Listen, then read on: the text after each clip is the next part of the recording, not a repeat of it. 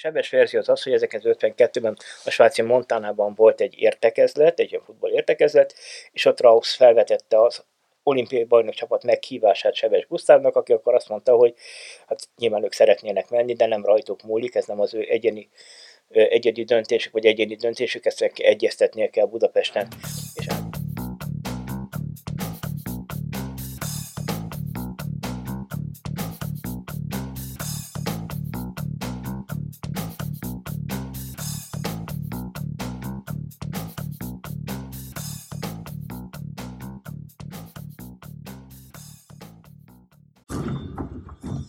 Hat-három, ahogy még sosem láttad.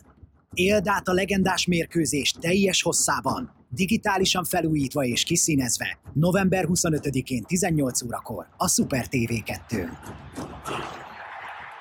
A podcast a Telekom támogatásával készült. Sziasztok, ez itt az Itzer, a 24.hu focis podcastja, én Kele János vagyok, és köszöntöm itt mellettem Kálnoki Kis Attilát, a 24.hu főmunkatársát. Szia! Sziasztok, üdvözlök mindenkit! Szia, Jani! No, ez egy rendhagyó adás lesz, ugyanis egy ügy mellé állunk most oda, mégpedig a Telekomnak az ügye mellé, amelyik szeretné, hogyha az ikonikus londoni 6-3-as magyar győzelemmel végződő mérkőzést egy új generáció is megismerhetné, megnézhetné, átélhetné, hogy micsoda dolog volt ez a győzelem annak idején, és ennek érdekében a Telekom elhatározta, hogy élvezetesebbé teszi a mai generáció számára is ezt a mérkőzést, tehát a felvételt digitálisan felújítja, a gólokat kiszínezi, és a mérkőzésnek az évfordulójára ezt majd közzé is teszik, tehát meg lehet majd nézni különféle csatornákon ezt a mérkőzést újra. Erről tartottak és a napokban egy sajtótájékoztatót, úgyhogy mindenkinek javaslom, hogy ebben az ügyben a vonatkozó felületeken majd kövesse az eseményt, és akkor nem fog lemaradni semmiről. Mi azt tudjuk most hozzátenni ehhez az élményhez, legalábbis reméljük a részünkről,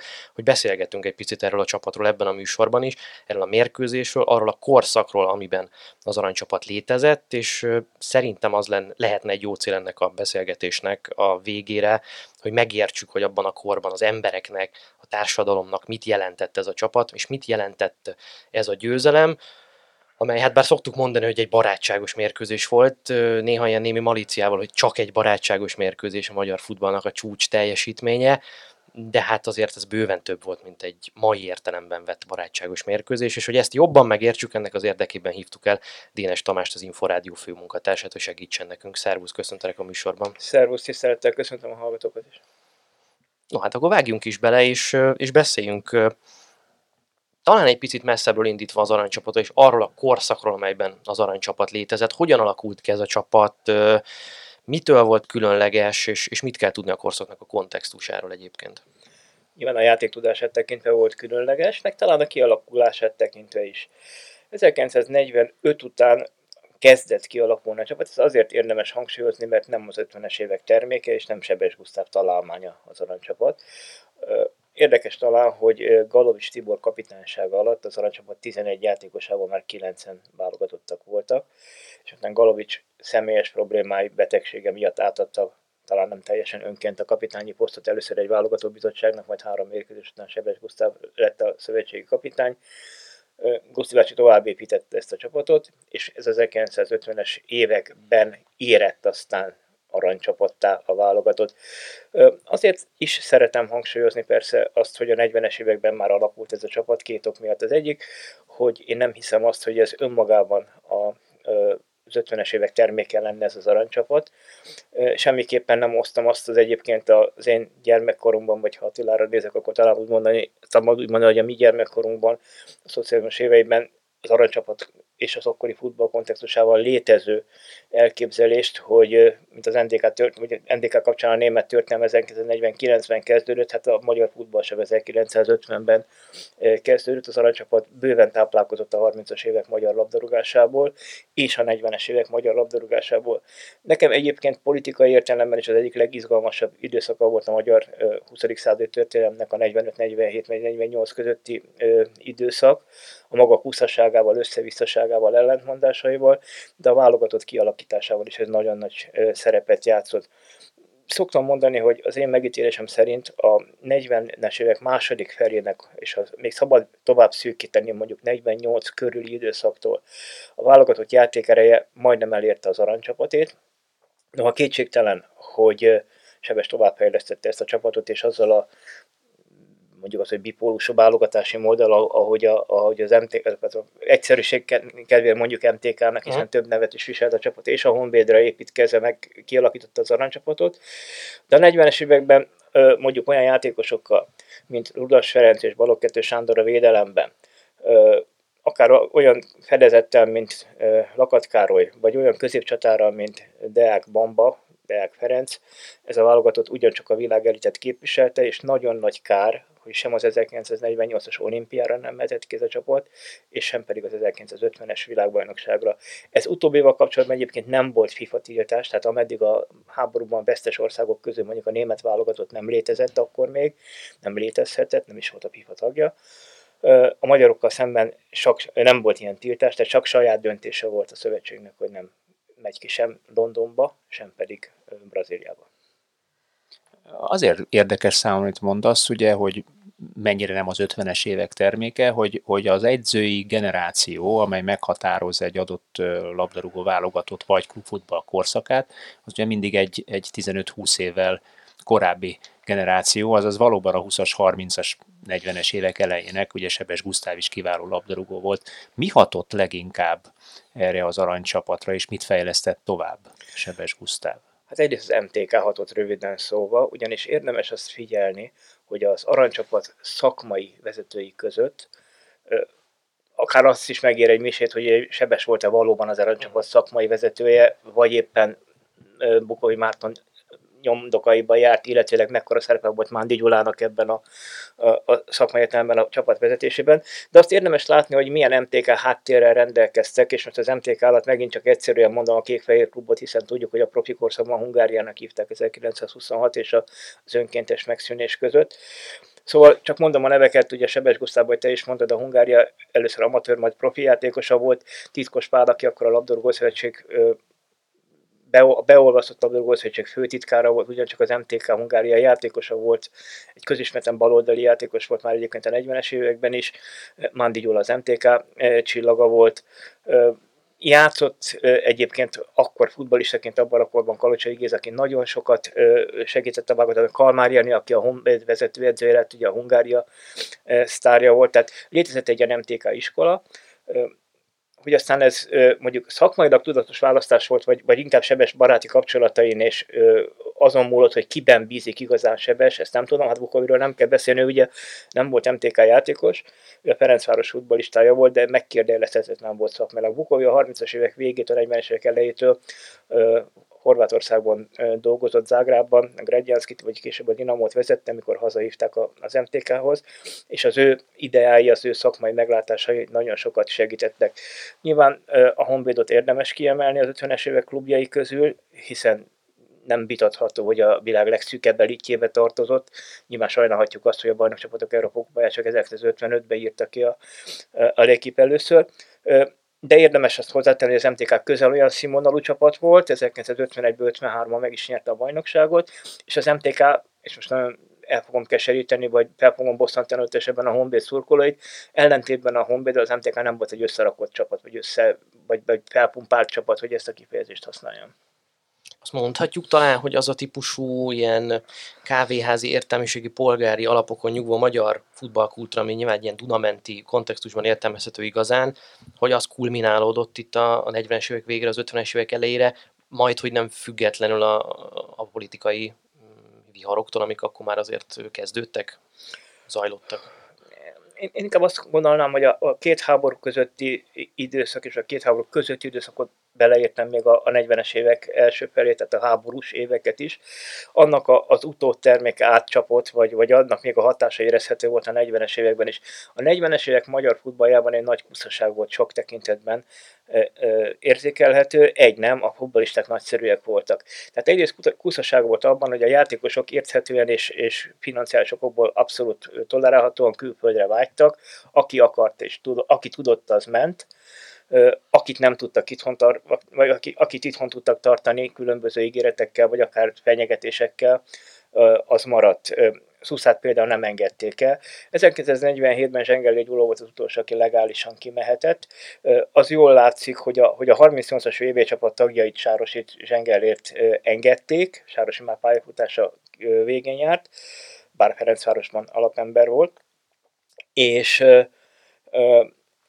a játékosokra ez a fajta, tehát ugye soha ennyi, ekkora kirajzás talán a 20-as évek óta nem volt. Csehszlovákia nagyon vonzó helyszín volt a magyar futbolisták számára, Kubalától Ilovszkig nyerség, nagyon sokan mentek Csehszlovák területre. Románia 1945-46-ban nagyon vonzó terület volt. Tehát volt egyfajta kirajzás, volt egyfajta építkezés, és volt egy nagyon fontos politikai befolyás a futballra. Én azt mondhatom, hogy soha nem volt olyan pártpolitikai hatás a futballra, mint a 45 utáni időszakban, amikor például az Újpestet, hát Attila jól tudja, hiszen emlékeim szerint a vezetőségi tag is voltál a, a, a már nem akkor, hanem a, a rendszerváltozás, Kicsit később. a rendszerváltozás után az Újpestben, de az, az Újpestben, a kis, az Újpestnél, amely ugye hát tudjuk azt, hogy 45 után a legerősebb magyar csapat volt 45 nyarán, 45-46-ban és 46-47-ben is megnyerte a bajnokságot, nagyon erős volt a kis gazdahatás, a kis gazdák támogatták a klubot, a Hermina mezői Áci, ahol Hideg Nándor játszott az MTK, ugyancsak a kis gazdák támogatását élvezte, megjelentek különböző elnevezések, például lehetett azt tudni, hogy a barátság klub az melyik politikai tömörüléshez tartozik, tehát ugye az, a szociáldemokratáknak volt erős szerepe, nyilván a kommunista pártnak is nagyon erős szerepe volt. A kommunista párt egyébként megpróbálta a sportban átvenni a, a hatalmat, ez azért viszonylag gyorsan sikerült is, de ez elsősorban inkább a funkcionáriusoknak a kinevezésében számított, mint a futballcsapatok támogatásában. De hát persze a Vasasnak a, a, a szerepe, vagy a Csepel szerepe az ilyen értelemben megkérdezhetetlen. De ha hozzáteszem, hogy, hogy azt sokan megkérdezték már ki, vagy felvetették később is, hogy, a, hogy miért nem tartozott mondjuk a Vasas az 50-es években a kivételezett csapatok közé, hiszen viszonylag logikus lett volna az a lépés, hogy a már a 40-es években is, hogy a a születésétől fogva, de a 30-as, 40-es évben különösen baloldaliságát deklaráló Vasas miért nem érezte, élvezte a rendszer kegyeit. Valószínűleg azért, mert a Vasas vezetői közül jó néhány a szociáldemokraták voltak, és, és ez mondjuk azért az 50-es évek elején nem volt igazán jó ajánló levél. De hát ugye az kétségtelen tény, hogy a, az 50-es évekre azért már masszívan ugye minisztériumok, belügy, hadügy, szakszervezetek álltak bizonyos csapatok mögött, és oda is tömörültek a jó játékosok. Zárójelbe teszem, ez ugye valahol természetes, mert ahol fizetni tudnak, általában a sportoló oda megy, vagy az élsportoló oda megy, ugye ez a mai napig így működik, ez, ez nem változott sehol. Ahol éppen megjelenik a pénz, oda összpontosul a játékosok zöme, vagy a legjobb játékosok zöme. Mennyire volt ez politikai cél, vagy az aranycsapat ilyen szempontból mennyire a Rákosi korszaknak a terméke, vagy pedig mennyire kettős ez a helyzet, hiszen kiváló játékosok az imént elmondottak alapján kiváló szellemi erőből növekedett ez ki. Azt gondolom, hogy, hogy azt muszáj pontosítani, hogy 49 és 51 között a teljes akkori néven béketáborban, gyakorlatilag mondjuk úgy, hogy a szocialista országokban létrejött, vagy, vagy végbe ment a, a, a szovjet típusú átszervezés. Ez két dolgot jelentett, egyrészt a klubrendszernek a megváltozását, másrészt, akkor talán hármat, a másrészt az irányítási szisztéma megváltoztatását. Ez a labdarúgó szövetség esetében azt jelentette, hogy megszűnt az MLS önállósága, hanem beolvadt az akkori sporthivatalnak egy osztályává. És a harmadik pedig a naptár átalakítása. Ugye ez azt jelentette, hogy megszűnt a, a hát úgy szoktam mondani, iskola éves, tehát az őszi-tavaszi rendszerű futballnaptár, és ehelyett éves rendszer. Egy, egyébként erre egy szocialista típusú választ adtak, hogy a tervekben is mindig éves terveket csinálnak, akkor miért ne legyen ez a futballban is így. A polgári klubok abszolút megszűntek Magyarországon is, tehát a polgári háttér eltűnt, hanem a klubok mindegyike, leszámítva azokat, amelyek erőszakszervezetekhez sorolódtak be, azok szakszervezeti háttérrel rendelkeztek. Ilyen értelemben a politika teljes egészében rátette a kezét a futballra, ilyen értelemben a futball teljes egészében a politika fogja lett, és az, hogy aztán a átszervezett klubok közül ugye miért éppen a Honvéd és a, az MTK, zárójel textiles, budapesti bástya, vörös tobogó lett a két kiválasztott. Arra azt gondolom, hogy egyrészt magyarázat Sebesnek a saját magának vindikált szerepe, amelyet én őszintén szóval nem tudok, hogy valóban így volt-e, mert a, az ő könyveiben azért sokszor, hogy mondjuk úgy maga felé hajlott a keze bizonyos döntések magyarázatokor, magyarázatokor, de az kétségtelen, hogy nem volt logikátlan az MTK kiemelése a játékos állományt és Bukovi személyét tekintve.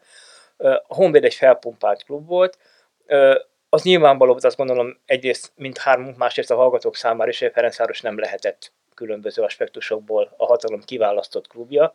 Ugye nyilvánvaló volt, hogy az a 48-49-es csapat, az a Ferencváros léptékében bajnokcsapat, amelyikben ö, ugye a budai kocsis, ö, Deák, Mészáros, Cibor támadó ötös játszott, az a Ferencváros léptékével is kiemelkedő képességű csapat volt. Akkoriban talán csak a, a 31-32-es 100%-os bajnokságot nyert csapatot hasonlították hozzá, vagy azt a csapatot, amelyik mondjuk abban a korszakban játszott, és mondjuk egyik legnagyobb sikere az olimpiaiban, kétszeres olimpiai bajnok Uruguay válogatott 1929-es legyőzése volt, de a pradi politikaiokból nem lehetett. Ugye abban az évben, amikor a Ferencváros 48-49, mondom, nagy gólkülönbséggel és, és remek teljesítménnyel bajnok lett, Szóba került az, hogy a Ferencvárost betiltják. Szóba került az, hogy a Ferencvárosnak a futballpályáját betiltják, ez meg is történt néhány mérkőzésre. Mindig Ferenc volt akkor a Ferencvárosnak az egyik prominens vezetője, elnöke, ő maga, a társadalmi elnöke, ő, ő maga járta ki azt, hogy, hogy ne zárják be a Ferencvárost ilyen értelemben. Szóval azért egy olyan klubról beszélünk, amelyik ugye kihasználva azt, hogy a tartalékkapusát magyarosított nevén Mincentének hívják, a szurkolói tábora az egyébként a, hát hiszem mondom, hogy cserepadon, akkor nem nagyon volt még cserepad, szóval a tartalékok között helyet foglaló Mincentit éltette, Minisnek hívták egyébként azt hiszem eredeti nevén, az ilyen Mincenti kiáltásokkal. Most ez nem nagyon tetszett a hatalomnak azért, hogy a, egy szurkolótábor ilyen Mincentizik. Kicsit térjünk át a válogatottra, és uh, arra rákapcsolódva, amiket eddig mondtál, azt mondhatjuk-e talán, hogy abban tehát, hogy volt ez a nagyon különleges szellemi hátország, egy, egy nagyon hosszú távú organikus fejlődés, tudás koncentráció, ami létrejött, és belépett ebbe a térbe a politika. Szerintem, vagy én úgy értelmeztem, hogy a korábbiakhoz képest sokkal nagyobb akarat volt az élsportnak a kihasználására politikai meg propaganda célokra, és ebben főleg ugye az államhatalomként berendezkedő kommunista párt járt itt az élen. Szóval, hogy találkozott ez a típusú szellemi hátország ezzel a korábban soha nem látott politikai akarattal, ami az élsportot propaganda célokra akarta felhasználni, és ennek eredményeképpen létrejött az aranycsapat, amely amely arra a két klubra alapozva, hát én az soha korábban nem látott erejű magyar válogatottat eredményezett. Az kétségtelen, hogy a politika eszközként használta a sportot, és azon belül a futballt.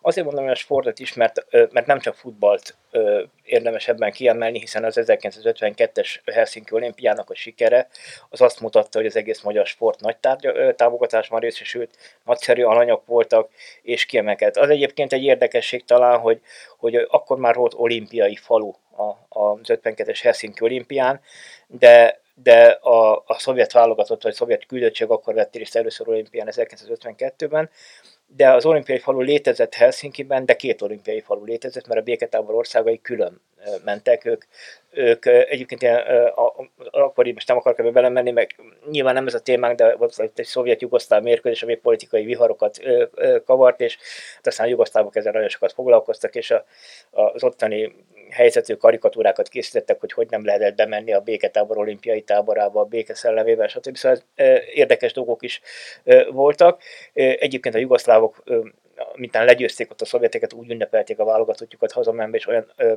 kitüntetésekben, ajándékokban jutalmaval részletettük a csapatot, mintha megnyerte volna az olimpiát.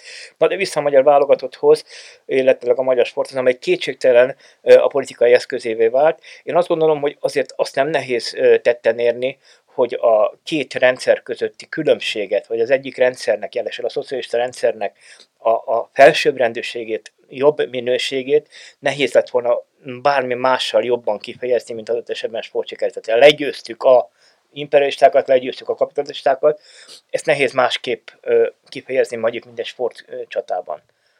Ezzel együtt, hogy az angol meccs összejöhetett, azért az nem volt egy egyszerű dolog. És meg is voltak ennek maga kockázatai. Hogy jöhetett ez egyáltalán létre? Kétfajta verzió létezik, az egyik Sebes Gusztáv, a másik Bart Sándor, én nem meglepő módon mind a kettő magának indikálja.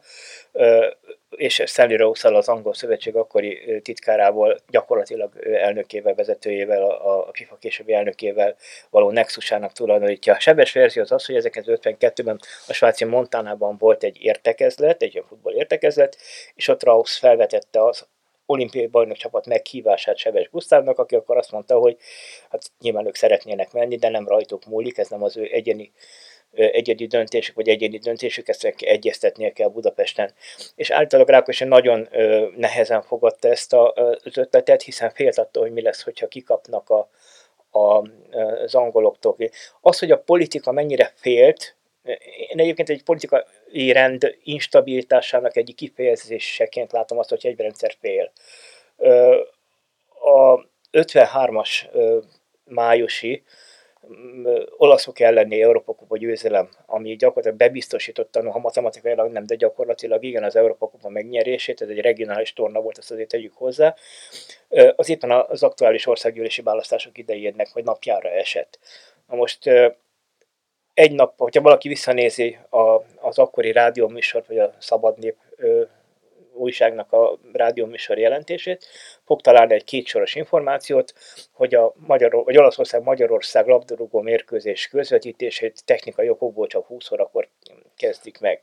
Ez azt jelenti, hogy a mérkőzést az akkori szokásokkal ellentétben már nem tudósították, vagy nem közvetette Szepesi György élőben, mert a politika azt mondta, hogy nem lehet az ország hangulatát elrontani a választásokon. Most a választásokat 98,8%-kal sikert megnyeri a népfront. Tehát ezért, Meglepő módon. Tehát azt gondolom, hogy nem volt kétes kimenető a mérkőzés. És mégis féltek. és mégis féltek. Úgyhogy, úgyhogy igen, gyakorlatilag a politika ilyen szempontból minden ö, ö, helyzetben ö, ö, nyomon követhető, vagy minden aspektusában nyomon követhető az életben. Az angol mérkőzés valóban rizikós volt, viszont nagyon sokat nyomott az a, a magyar válogatott külföldi presztízsén is. Ez a félelem azért úgy bennem ragadt, próbálom elengedni. De, de, de nagyon érdekes dolog, ugye, amikor egy, egy, egy hatalmon lévő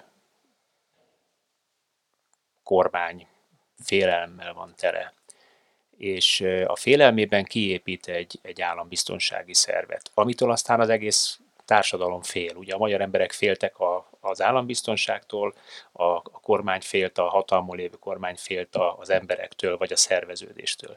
Hogyan hatott ez a, ez a kettősség és maga ez az állambiztonság, vagy AVH az aranycsapatra, vagy tágabb értelemben ugye a, a, a korabeli sportra?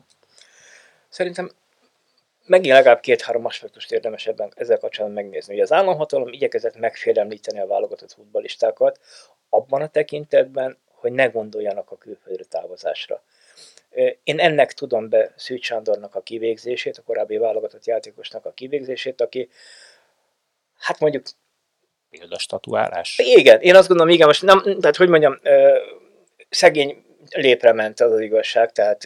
Hát az klasszikusan egy kelepce volt. Így van, így van nem szeretem, hogyha ha 21. században 21. századi ismereteinkkel próbálunk megmagyarázni, vagy, vagy minősíteni, inkább így mondanám dolgokat. Tehát azt gondolom, hogy a 21. században már azt mondjuk, hogy hát nem volt jó ötlet egy fegyverrel a zsebben neki menni a határnak, mert abból olyan sok jó nem szülhetett ki, bárki is mondta neki, hogy majd ott segít.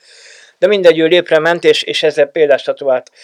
Az kétségtelen tény, hogy ameddig, mondjuk, ugye nem, említettem azt, hogy 47-ben ment ki Zsengerer legálisan utoljára, egy hosszú időszakot tekintve, majd utána voltak diszidensek, hogy ezt a kifejezést használjam, Kubala volt talán a leghíresebb közülük, de hát többen is mentek ki, akik aztán megalakították 1949-50-ben az Hungria vagy Hungária nevű csapatot, amely olyan játékerejű volt, hogy Spanyolországban legyőzte az ugyanabban az évben világbajnoki negyedik helyezést elérő, braziliai világbajnoki negyedik helyezést elérő spanyol válogatottat, tehát azért nem piskota játékosokról volt szó. De az kétségtelen, hogy ezek a kísérletek, és ideértem még akár a játékosoknak a kistarcsai internálását is, ugye Lórán Gyula, Kéri Károly, Mészáros József és Egresi Csöpi Egresi, ő volt a, Egresi Béla volt a négy, akit internáltak, de aztán nagyon hamar megbocsájtottak neki, mert, Lórány, mert nekik, mert Lórán Gyulára szükség volt a válogatottban, tehát a hatalomit is packázott velük, hogy te nekem kell lesz, akkor te jó vagy, akit nem, azt eldobom. Szusza Ferencet például 1952-ben a szovjet mérkőzés után eldobták egyszerűen azért, mert ráverték azt a balhét, hogy a, a, a moszkvai szállodában kiment egy boros üveg, és egyébként nem ő dobta ki.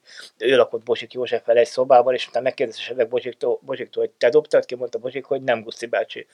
Szusza mondta, nem Guszti bácsi mikor őt is megkérdezték erre, mondta Guszi bácsi, hogy hát egy országgyűlési képviselő nem hazudik, tehát nyilván csak a SZUSZ hazudhat. Szóval azért ilyen apróságok voltak, és az állambiztonság, mint mondom, szerintem megfélemlítette ilyen szempontból a játékosokat, ugyanakkor a másik oldalon nyilván a párt vagy a politika engedélyével elnézte azt, hogy a kisebb stikliket, azt, hogy, azt, hogy még csempészenek, mondjuk egész konkrétan, de éreztette, hogy ez csak addig működik, ameddig a csapat szállítja az eredményeket. Grossi Gyulának meggyőződése volt, hogy az 1954 novemberében kezdődött kémügye, amiről kapcsolatban nem is tudta először, hogy mivel vádolják meg, csak a Máriánő szólt neki, hogy Gyuroma nevetkőzön le egy mérkőzés előtt, ott nem lett volna, hogyha válogatott megnyeri a világbajnoki döntőt. Tehát ezt egyfajta retorziónak gondolta ő ez a típusú félelemben tartás, amely egy ország kapcsán beszéltünk, az az élsportban is jelen volt, nyilván egy másik uh, dimenzióban. Hát meg, meg gondoljunk bele abba, ugye, hogy azért az élsport akkor is azért a, a korabeli médiumoknak a vezér vonal volt, vagy legalábbis hátsó oldalán mindenképpen megjelent. De hát ott azt mindenki olvasta, ha ezekkel az emberekkel ilyen történt, és ugye azért ezek nyilván teret kaptak. Ha vele is akkor, ha vele is megtörténik, akkor van mitől félni. Persze, hát ugye az 52-es olimpia előtt ö, az állambiztonság ki akart húzni jó néhány nevet, például Gyarmati Dezsőjét is, Puskásét is egyébként, hogy, hogy hát nem biztosítható az, hogy ők hazatérnek, stb. az olimpiáról. Aztán végül állítólag Sebes, állítólag Hegyi Gyula ebben pozitív szerepet játszott, hogy ők mégis kimentek, ugye Hegyi Gyula volt a, a sportbizottságnak a vezetője, egy korábbi vasas szakszervezet is, és hát Egyébként őt szerették a játékosok annak ellenére, hogy a politikai szerepe megkérdőjelezhetetlen. De igen, szóval, szóval a politika nagy mértékben rányomta szerintem a bélyegét az aranycsapatra, és hangulat kell. Tehát nyilván az aranycsapat játékosai eszközök voltak, tehát amikor a Puskást kiküldik a Béke Világtanács konferenciájára, vagy, vagy amikor Bozsik Józsefből országgyűlési képviselő lett, aki egy kedvenc játékos, ahol gyermekkoromnak, de hát mégiscsak ugye a legiskolázottanabb tagja volt az aranycsapatnak, ez egy ténykérdés, és ő vele csináltak országgyűlési képviselőt. Vagy amikor Hidekuti Nándornak a, az édesanyjáról propagandafilmet forgatnak, hogy ő munkás volt, ugye a a családja egy relatív polgári származású família volt, és ugye az édesapja, a, aki korán meghalt, a vitézi címet kapta, tehát hogyha ha megnézzük mondjuk a 40-es évek sajtóját, akkor ha jól emlékszem, három vitéz, Sorányi vitéz, Hidegkut és még valaki volt, aki a vitézi címet viselte, akkor kiírták az összeállításba, vagy az, hogy vitéz, vagy csak B pont. Tehát ilyen értelemben mondjuk nem volt annyira beilleszthető Hidegkutinak a származása, vagy a korábbi élete a, a klasszikus ö, képbe. Emlegettük itt a sztárkultuszt már korábban és tény, hogy, hogy nemzetközi megítélésben valószínűleg ez a győzelem, tehát az angliai győzelem volt az, ami, ami Isten igazából fölhelyezte most már tényleg mindenkinek a térképére az aranycsapatot. Az itthoni megítélésükön változtatott ez a játékosoknak, tehát lépett egy új dimenzióba ez a sztárkultusz itthon, vagy hát már előtte is az gyakorlatilag a, a, az egeket verdeste. Az nagyon jó, hogy a, hogy a sztár szót használtad, mert gyakorlatilag az én megítélésem szerint az egy szitokszónak számított az 50-es években. Tehát gyakorlatilag a, a sztár, mint szó, az, az egy visszalépés volt, vagy egy visszautalás volt a 30-as, 40-es évek Magyarországára. Pont a valamelyik napokban olvastam valamelyik nem a szabad névben, de hát mondjuk a hangvételi tekintve hogy nagy differencia nem volt az akkori sajtóban, de nem és a névsportban kivételesen, egy olyan ö, véleménycikket, ami a sztár vagy élsportoló ö, cikket viselt, és ennek, ennek a dilemmának adott hangot, hogy valaki sztár vagy élsportoló. Ö, tehát ö, a szó klasszikus értelemben ö, sztárolásról vagy sztárokról nem nagyon beszéltünk az 50-es években. Nekem egyik veszőparipám az, hogy, hogy mennyire nem használta ki bizonyos aspektusból a rendszer ezeknek a játékosoknak a népszerűségét, hiszen ugyan Bocsik Józsefről megjelent az 50-es évek első felében egy ilyen kis füzetecske, de hát gondoljunk abba bele, hogy ha az akkor létező olcsó könyvtár sorozatban gyakorlatilag az aranycsapat minden játékosáról írtak volna egy portrékönyvet, vagy akár Paplaciról, vagy nyilván lehetne más sportágak nagyszerű képviselőt is neve, ne, megnevezni, akkor micsoda népszerűségnek örventek volna. És annyiban viszont kétségtelenül létezett csillagkultusz, vagy nem tudom micsoda, hogy, hogy nagyon magasról, nagyon nagyot estek 54 után ezek a játékosok. Tehát ameddig azért mondjuk a, a, a sajtó toleráns volt velük és segítő a világbajnokság előtt, és hát nyilván kiemelt az, hogy a világ legjobb válogatottjáról beszélünk, nem csak a 6-3 után, hanem az angolok elleni második nélkül és a, a májusi 7 51 májusi 7 1 után. Addig azért Puskásról már az 51-es VB után eléggé dehonestálóan írtak, és az meg egy, azt gondolom, hogy nem csak tézis, hanem már-már tényként elfogadható állítás, hogy abban az esetben, hogyha Puskás nem maradt külföldön 1957 márciusában a dél-amerikai túra után, akkor neki nagy valószínűséggel itthon a csillaga leáldozott volna. Tehát nem biztos, hogy még egyszer fel tudott volna pörögni. Ugye ő 30 éves volt már akkor, egy piknikus hízásra alkalmas vagy hajlamos testalkattal, valószínűleg az ő hazai pályafutásának mindenképpen már a delelőjén túljutott volna azért kanyarodjunk vissza kicsit ehhez a, a 6-3-hoz, és ugye a, a londoni sikerhez. Mekkora volt a, a, az elvárás ezt követően a válogatottól, vagy egyáltalán elvárás volt-e az, hogy a következő évi világbajnokságon is aranyéremmel zárjanak, vagy, vagy mindenkit lesöpörjenek? Én azt gondolom, hogy elvárás volt, igen, de, de nem is létezett más gondolat. Tehát megnyerték 52-ben az olimpiát, megnyerték 53-ban, ugye a római győzelemmel, az mondjuk csak szeptemberben a következő csehszlovák mérkőzésen, csehszlovák olasz mérkőzésen derült ki, hogy csehszlovák svájci mérkőzésen, hogy, hogy valóban matematikailag is megvan, de megnyerték az Európa kupát.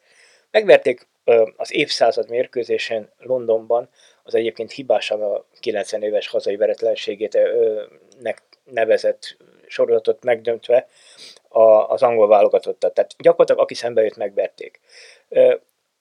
Csak nagyon zárójelben mondom egyébként, hogy, hogy, hogy az aranycsapat sorozatát úgy is építették, ezt a veretlenségi sorozatot, hogy anomáliákkal teli, mert ugye kiment a válogatott 52-ben Moszkvában két mérkőzésre, ott egy döntetlen, egy vereség. Na most ugye a szovjet elvtársaktól kikaptunk, ez nem volt egy nagy öröm, de tolerálható volt. Na most ugye nem számoltuk be, a szovjeteknek akkor nem volt hivatalos válogatottja. Csak 52, ugye játszottak 36-ban törökökkel három meccs, de utána 52-ben az olimpián a jugoszlávokkal játszották az első meccsüket, az volt az első hivatalos szovjet válogatott mérkőzés a 50-es években de a magyarok nem tudtak ezen mit tehát ö, mi nem számoltuk be hivatalos válogatott mérkőzésként, ezért nem veszítettük el a, a veretlenségi sorozatunkat, ugyanakkor a játékosoknak beszámolták válogatottságnak, így jött ki Bocsiknak a száz később. Szóval ez egy furcsa anomália szerintem. Attól függ, hogy honnan nézzük. Igen, mi igen, a igen. fontos? Kinek mi a fontos? Igen, igen hát ezt kivettük mindenből a jót. De, de visszatérve az alapkérdésedre, tehát én azt gondolom, hogy, hogy akár a, a nagyvilág sajtóját nézzük, tehát a nagyvilág sajtó 53. november 25-e után a magyar válogatottat a világbajnokság első számú esélyeseként emlegette, Azért is még egy európai világbajnokságról beszéltünk. Ez nagyon sokáig tartotta magát egyébként, hogy Európában az európai válogatottak, Amerikában az amerikai kontinensen beleértve Mexikót, ugye Közép-Amerikát, dél-amerikai válogatottak tudtak nyerni.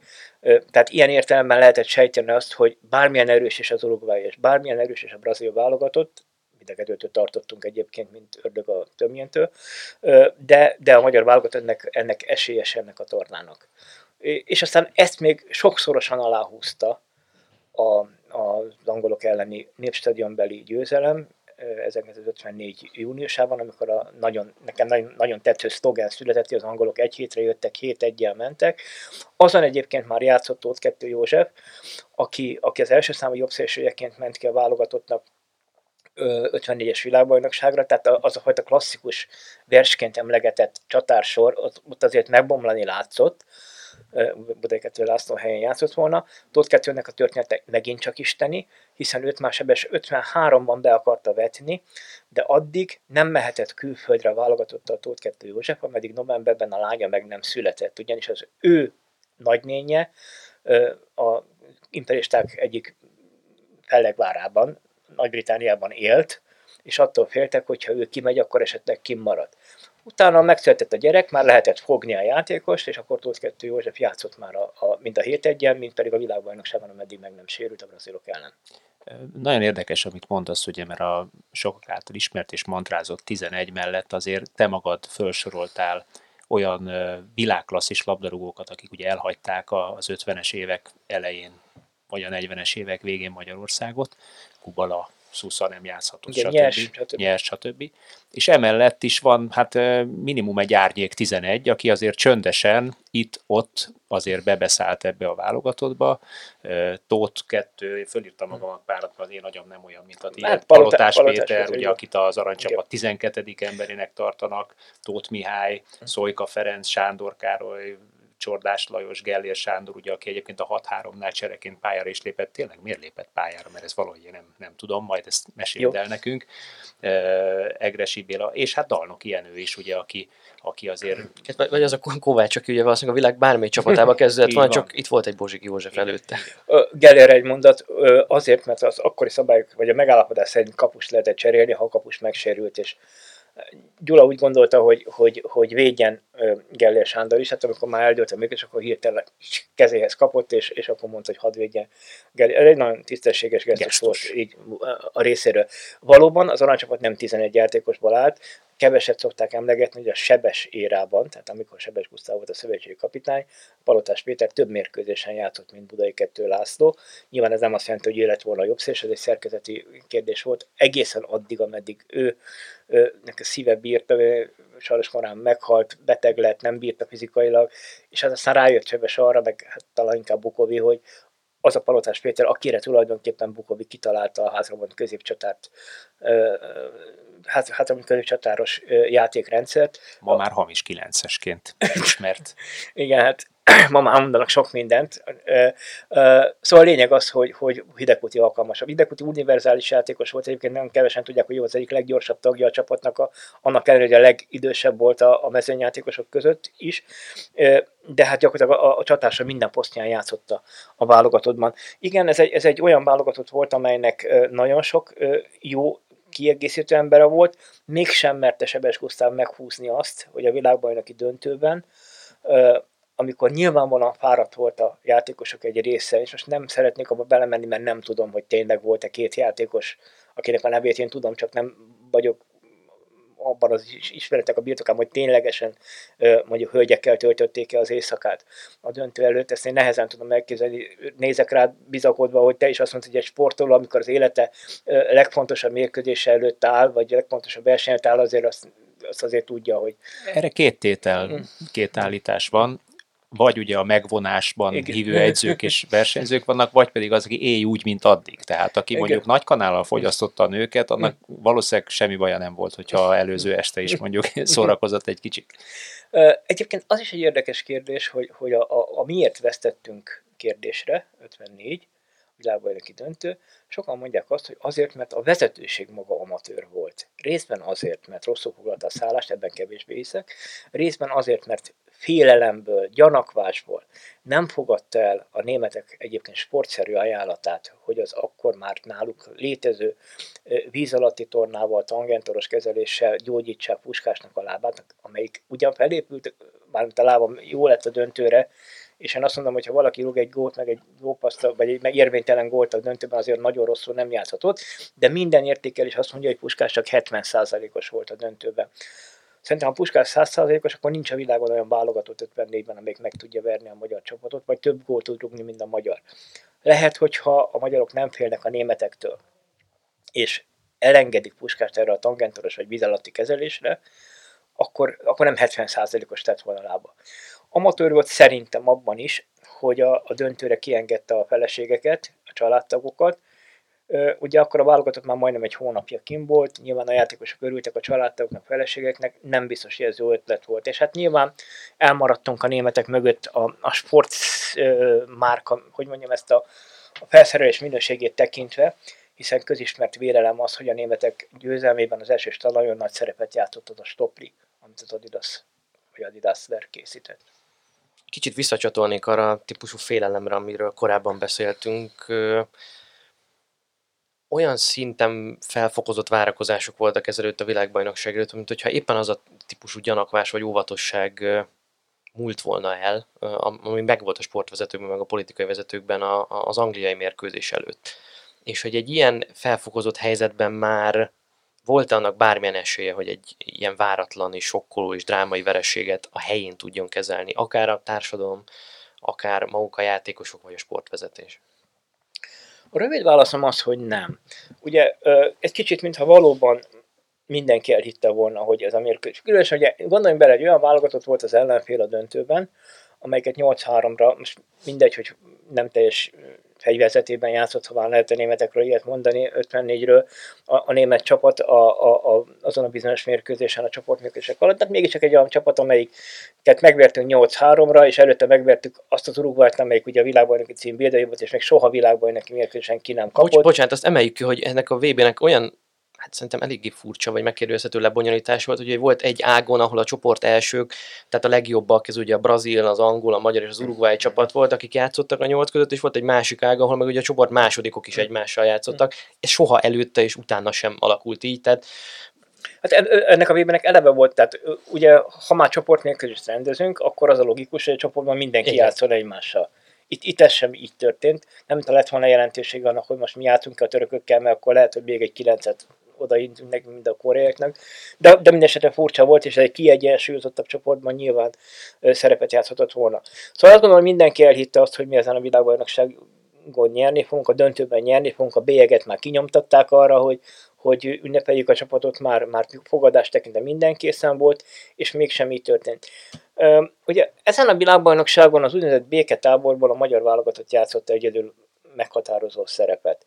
Ezt csak azért mondom, mert amikor egy hasonló kérdés kapcsán én gondolkodtam azon, hogy, hogy vajon más lett volna a hazai politika reakciója, ha mondjuk a szovjetektől kapunk ki a döntőben, tehát magyarul létezik-e bocsánatos vereség és nem uh-huh. bocsánatos vereség, ezt nem tudom, ezt nem tudom, hiszen nincs rá ö, próba, de lehet, hogy, hogy azt jobban elfogadta volna. A, a, a közvélemény talán nem. A közvélemény számára nem, de azt, hogy, hogy a közvélemény tudott-e volna méltóság teljesebben viselkedni a veresség kapcsán. Erre azért nagyon nehéz válaszolni, mert, mert abba gondoljatok bele, hogy amikor 1938-ban, és ezt én nagyon szeretem hangsúlyozni, hogy olyan válogatott érte el világbajnoki ezüstémet, ami játékerejét tekintve abszolút értékében talán nem érte el az aranycsapat színvonalát, de mégiscsak a magyar futball történelem legnagyobb eredményét érte el zárójel holt versenyben, hiszen a, hiszen világbajnok ezüstéremnél többet nem érte a magyar futballválogatott. Amikor az a válogatott hazajött, akkor is ugye óriási felzúdulás volt, már-már lincs hangulat a nyugati pályadoron, igaz elsősorban a kapitány miatt, aki ugye állítólag politikai nyomása felforgatta az elődöntőben sikeres csapatot, és kihagyta Oldi Gézát, Korányi Lajost, és ő magát sérültnek deklarált Urai Józsefet. Szóval ja, én... pedig ők, bocsánat, ők a korszak legjobb, legnagyobb csapatát, az olasz válogatottól kaptak ki, akik ugye címvédők is voltak rá. És, és, és, ráadásul aki kell szemben, vagy a Squadradurával szemben nekünk nem volt akkor már több mint egy évtizede győzelmünk. Ezt, a, ezt az idegenbe, ezt az olaszok elleni rossz egyébként az aranycsapat történt meg az 52-es olimpián, egy nem teljesen százszázalékosan erős orosz, tehát nem a legjobb orosz profiból összeállt a csapat ellen, majd végleg lezárta ezt a sorozat, rossz sorozat 53-ban a már többször emlegetett római stadionomaton, de, de, de én azt gondolom, hogy, hogy nem, mi méltósággal nem nagyon tudunk veszíteni, szóval olyan érzelmeket, pozitív irányban is hihet, tehát pozitív irányban érzelem kitörések vannak, mint 2016-ban, amikor az Európa bajnokságon az osztrákokat megvertük, és én álltam Bordóban a, a, a Mixed Zone-ban, és Zsuzsák Balázs kijött, és nézte a telefonját, és mondta, hogy, hogy hát hallottátok, hogy, hogy a körúton megállt az élet. Hát nyilván nem hallottuk. De aztán utána már interneten, stb. meg a családtagoktól így tudomást szereztünk. Tehát olyan fajta érzelem cunamik vannak, ami csak azért azt gondolom, és most bocsánat, hogy más sportágokat ilyen értelemben háttérbe szól, de, de ezt csak a magyar futball váltja ki. Tehát más sportágak kapcsán én nem éreztem ilyenfajta érzelemcunamit, ami, ami a futballt jellemezte. Ezért gondolom azt, hogy mi szépen beszíteni nem tudunk. Az egy, az egy elfogadható állítás, hogy ez a fajta dráma, kudarc és ennek a második helynek a ilyen letargikus megélése vezethetett egy 56-os forradalomhoz, vagy hatással lehetett rá? Én ezt először Szepesi Györgytől hallottam, akinél azért a, a korszaknak kevés jobb ismerője volt, és most nem menjünk abba bele, hogy milyen ö, aspektusból értem én ezt. Ö, ö, aztán Benedek Szabolcsnak a Kitűnő Focialista Forradalom című könyvében is felvetődik ez a gondolat, de nyilván nem kettejük a szüleménye mindez, hanem ez egy, ez egy létező gondolat. Én azért azt hiszem, hogy, hogy, hogy egy picit degradálnánk az 56-os forradalmat, hogyha csak arra a vezetnénk vissza. Pont ezt akartam, hogy vagy, vagy a kérdés, vagy nincs 56-os mm. forradalom, hagy őz a magyar válogatott. Tehát ez egy ilyen furcsa, mm. furcsa mm. Én szerintem azért degradálnánk az 56-os forradalmat, hogyha ezt, ezt egyértelműen igennel válaszolnánk, hogy az akkor nincs rá. Inkább azt hiszem, hogy 54-ben az emberek ráébredtek arra, hogy amit a hivatalos média mond, az nem biztos, hogy mindig igaz, és hogy nem legyőzhetetlen a szocialista tábor, mondjuk így talán, nincs az a felsőbbrendűség. Én azt gondolom azért, hogy, hogy annál nagyobbak voltak az 50-es évek közepén a, a gondok Magyarországon, mint hogy ezt a futballgyőzelem adott esetben orvosolta volna, mert ettől még szerintem lett volna 56. Az lehet, hogy, hogy ha nyerünk a világbajnokságon, és mondjuk a válogatott még akkor lehet, hogy két-három évig uralja a világot, akkor ez egy szelep lett volna inkább. De, de én bevallom abban nem, minden tiszteltem Szepesi Györgyéne, hogy félreértés essék, beszéltünk arról, hogy a, vagy te mondtad az adás elején, hogy a, a 6 as mérkőzés közvetítését. Én ezt először az 50. évfordulón, 2003-ban láttam magyar televízióban ezt a filmet, úgy, hogy, hogy levetítették a filmet, és Szepesi György rádió tudósítását alátették. Szepesi úgy közvetítette ezt a mérkőzést a Membliben, hogy nem tudta, hogy valaha az életben ezt a kettőt valaki egymásra rakja. És nem volt egy rossz mondata, most nem politikai, meg nem futballszakmai értelemben, hanem az, annál volt a labda, ugye mi gyerekkorunkban ugye elhangzott a, a, a szurkoló tábor körikból egyenként a ne hazudj Szepesi, itt nem hazudott Szepesi. Szóval itt, amit mondott, az úgy volt. Igen, mert úgy ültek a, a, a nézők a mérkőzés, hogy a fülükkel a táska rádió, Igen, és, és közben hallgatták a közvetítést. De szóval mindegy, poént félretéve, én azt gondolom, hogy igen, 56 lett volna, legfeljebb egy szelep lett volna a, a válogatott szereplése. Utolsó kérdés. Nekem legalábbis az az egy kérdésem van még. Arra van-e bármi esély valaha? Én azt gondoltam, hogy az én felnőtt koromban, ez, ez, tehát én gyerekkoromban azt gondoltam, hogy ez majd, amikor én már felnőtt leszek, akkor ez már nem lesz tétel, mert annyira sok idő eltelik, de hát nem ez van. Szóval el, előfordult-e valaha, hogy nem lesz viszonyítási pont az aranycsapat, és végre el tudjuk engedni ezt a típusú kudarcot, csalódást, ugye a, az elveszett csillagot a mezünkről?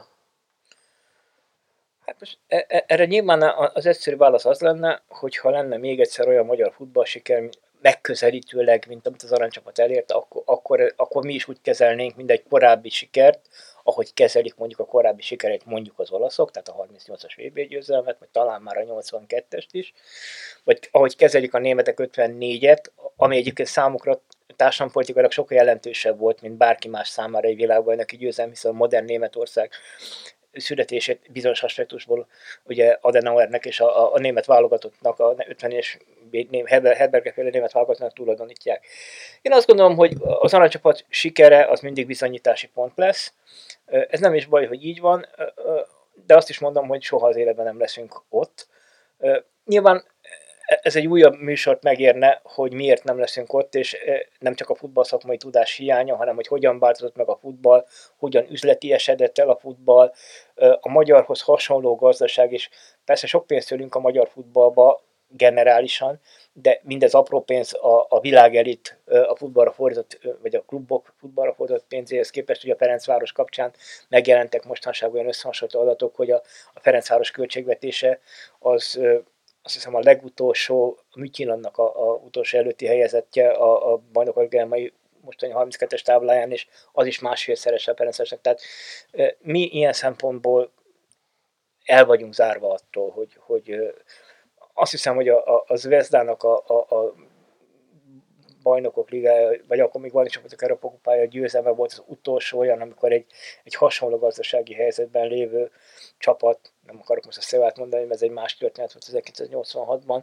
de szóval amikor még nem a pénz dominált, ma már ez... Na, a... de ez a klubfutball, de hogy közben meg nem nagyon tudunk mondani olyan válogatottat, vagy olyan nemzeti csapatot, amelyik járt valaha a világbajnoki döntőben, és közben mégis ennyire messze került tőle. Hát ugye, tovább Horvátország, ugye itt két éve a nálunk kisebb Vagy ugye ott vannak a csehszlovákok, akik szintén kettő darab bukott VB döntővel, és hát nyilván ők sem jártak azóta arra, de azért volt egy 2004-es EB elődöntős csapatuk, egy Rosickijük, egy Nedvedjük, aranylabdás játékosuk.